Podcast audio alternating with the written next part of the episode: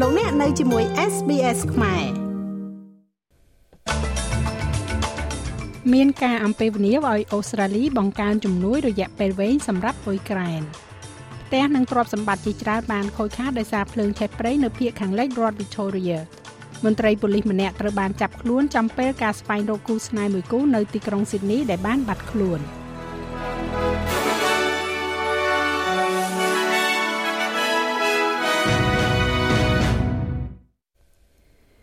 គ្គរដ្ឋទូតអ៊ុយក្រែនប្រចាំនៅអូស្ត្រាលីនិយាយថាលោកនឹងស្វាគមន៍ចំពោះផែនការជំនួយរយៈពេលវែងដើម្បីគ្រប់គ្រងដល់ប្រទេសដែលមានចំនួននេះ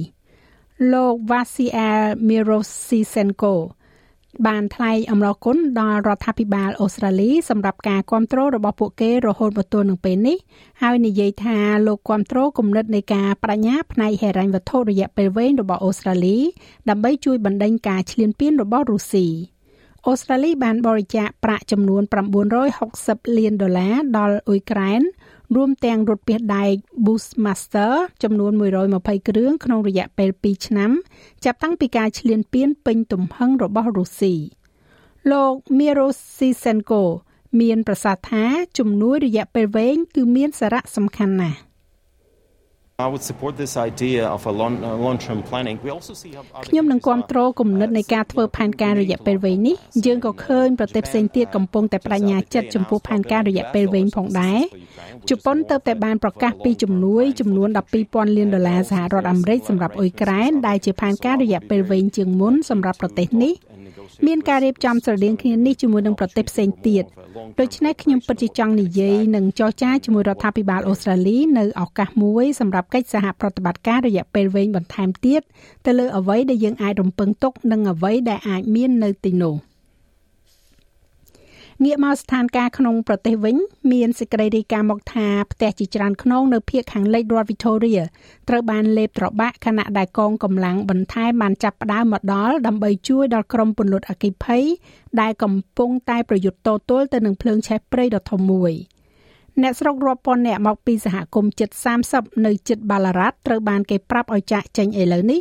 ដោយមានការប្រមានជាបន្ទាន់នឹងការជូនដំណឹងឲ្យឃ្លាំមើលនឹងចាត់សកម្មភាព Watch and X Alert អ្នកពន្លត់អគិភ័យប្រហែលជា1000នាក់និងយន្តហោះទម្លាក់គ្រាប់បែកទឹក15គ្រឿងបាននឹងកំពុងប្រយុទ្ធទៅនឹងការឆាបឆេះនេះ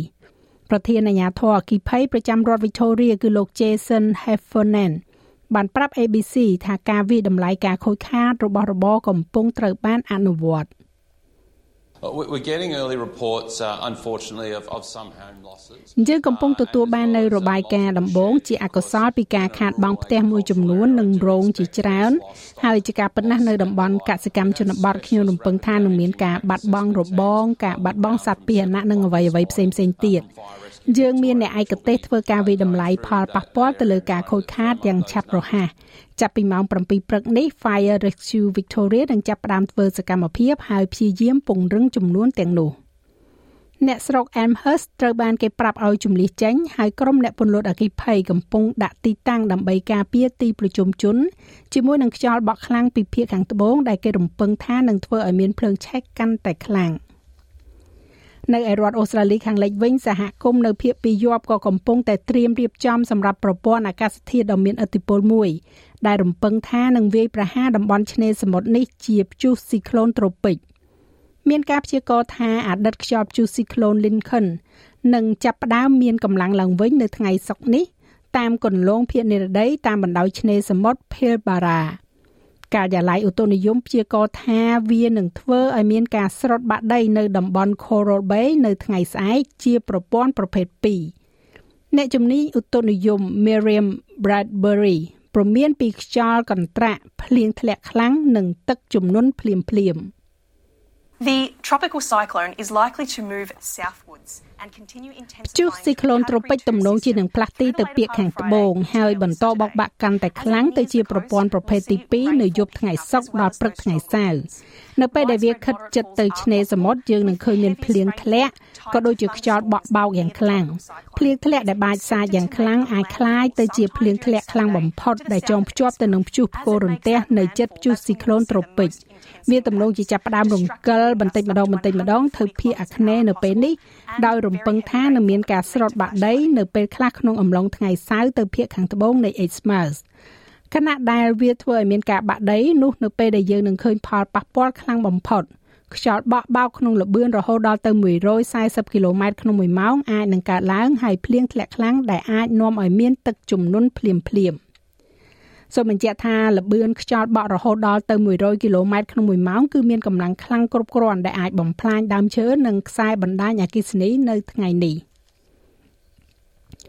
ប៉ូលីសរដ្ឋ New South Wales បាននិយាយថាមានផុសតាងគ្រប់គ្រាន់សម្រាប់ការចោទប្រកាន់ករណីឃាតកម្មចំនួន2ដែលត្រូវដាក់លើបុរសអាយុ28ឆ្នាំម្នាក់ជុំវិញការបាត់ខ្លួនរបស់គូស្នេហ៍នៅទីក្រុង Sydney Jess Baird និង Luke Davis មន្ត្រីប៉ូលីសលោក Bo Lamary Condon ត្រូវបានចាប់ខ្លួនពីបន្ទាប់ពីលោកបានប្រកល់ខ្លួននៅប៉ុស្តិ៍ប៉ូលីស Bondi កាលពីព្រឹកថ្ងៃនេះ។លោកនឹងត្រូវបានបដិសេធមិនឲ្យធានានៅក្រៅឃុំជាផ្លូវការហើយគេរំពឹងថានឹងប្រជុំមុខក្នុងតុលាការនៅថ្ងៃនេះឬថ្ងៃស្អែកការបាត់ខ្លួនរបស់អតីតពិធីករទូរទស្សន៍ប៉ុស្តិ៍លេខ10លោក Jesse Bird និងដៃគូបម្រើការយន្តហោះលើក្រុមហ៊ុន Qantas គឺ Luke Davis កំពុងត្រូវបានចាត់ទុកថាគួរឲ្យសង្ស័យបន្ទាប់ពីរបស់របរដែលប្រឡាក់ឈាមដែលជាកម្មសិទ្ធិរបស់បរិសុទ្ធទាំងពីរនាក់នេះត្រូវបានគេរកឃើញនៅក្នុងធុងសំរាមនៅ Cronulla កាលពីថ្ងៃពុធប៉ូលីសស៊ើបអង្កេតលោក Daniel Doherty និយាយថាប៉ូលីសកំពុងស្វែងរកទីតាំងសាកសព It's really important that we do វាពិតជាសំខាន់ណាស់ដែលយើងត្រូវរកទីតាំងសាកសពមិនត្រឹមតែសម្រាប់មូលហេតុនៃការស្លាប់ប៉ុណ្ណោះទេថែមទាំងស្វែងរកចម្លើយសម្រាប់ក្រុមគ្រួសារផងដែរពួកគេនៅតែសោកសង្រេងនិងចាប់ផ្ដើមសោកសង្រេងហើយឥឡូវនេះតាមទស្សនៈរបស់យើងមូលហេតុនៃការស្លាប់គឺសំខាន់ដោយសារអាវុធមួយដើមត្រូវបានប្រើនៅទីតាំង Paddington យើងចង់កំណត់ទីតាំងសាកសពដើម្បីមើលថាតើមូលហេតុអ្វីទោះជាយ៉ាងណាក៏ដោយផុសតាងមួយចំនួនធំដែលយើងប្រមូលបានរហូតមកទល់នឹងបច្ចុប្បន្ននេះនៅឯរដ្ឋ Victoria វិញប៉ូលីសបាននិយាយថាការបាត់ខ្លួនគួរឲ្យសង្ស័យរបស់ស្ត្រីរដ្ឋ Victoria Samantha Murphy ទំនងជាមានទំនាក់ទំនងជាមួយនឹងភៀកគីមួយឬក៏ច្រើនខណៈដែលពួកគេចាប់ផ្ដើមការស្វែងរកដោយផ្ដោតគោលដៅទៅលើតំបន់មួយដោយផ្អែកទៅលើទិន្នន័យទូរស័ព្ទ អ្នកម្ដាយវ័យ51ឆ្នាំដែលមានកូន3នាក់រូបនេះបានចាក់ចេញពីផ្ទះរបស់នាងនៅ Ballarat East កាលពីថ្ងៃទី4ខែកុម្ភៈដើម្បីទៅរត់ហាត់ប្រាណហើយក៏បានបាត់ខ្លួនតាំងពីពេលនោះមក។ការបាត់ខ្លួនរបស់គាត់កំពុងត្រូវបានគេចាត់ទុកថាគួរឲ្យសង្ស័យ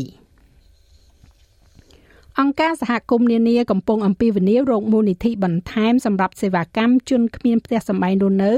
នៅមុនកិច្ចប្រជុំរដ្ឋមន្ត្រីរួមគ្នាមួយស្ដីអំពីលំនៅឋាននៅថ្ងៃនេះ អង្គការ Homelessness Australia ក្រុមប្រឹក្សាសេវាកម្មសង្គមអូស្ត្រាលី និងសហជីពសេវាកម្មអូស្ត្រាលី បានជំរុញឲ្យរដ្ឋាភិបាលបន្តផ្តល់មូលនិធិចំនួន73លានដុល្លារ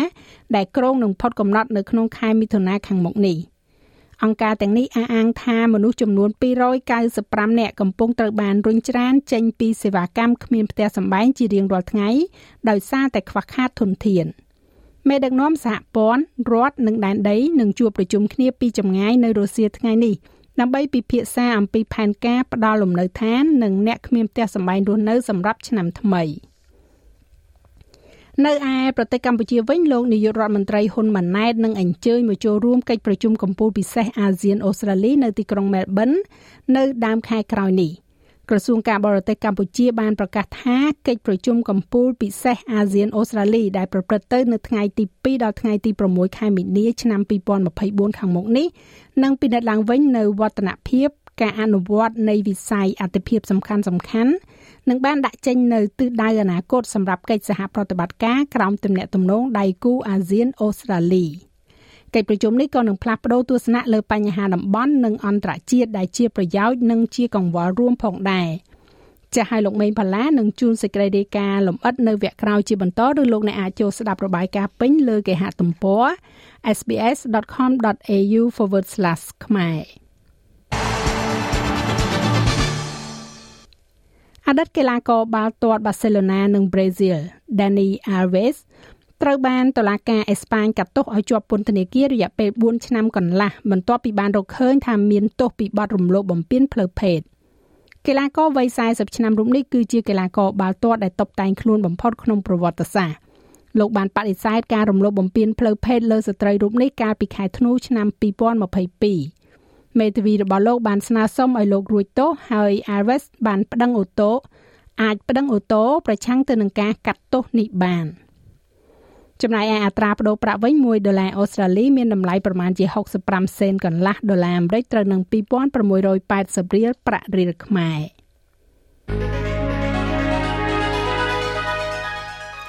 យើងក៏លេខមកមើលការព្យាករណ៍អាកាសធាតុសម្រាប់ថ្ងៃសៅរ៍ស្អែកនេះវិញ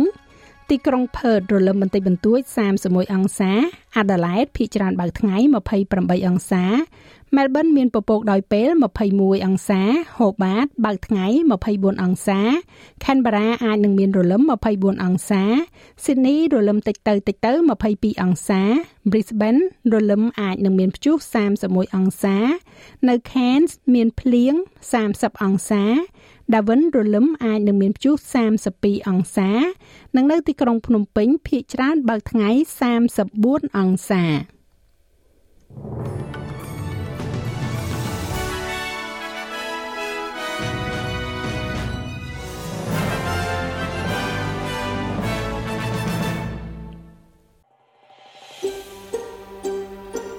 ចង់ស្ដាប់រឿងក្រៅបែបនេះបន្ថែមទៀតទេ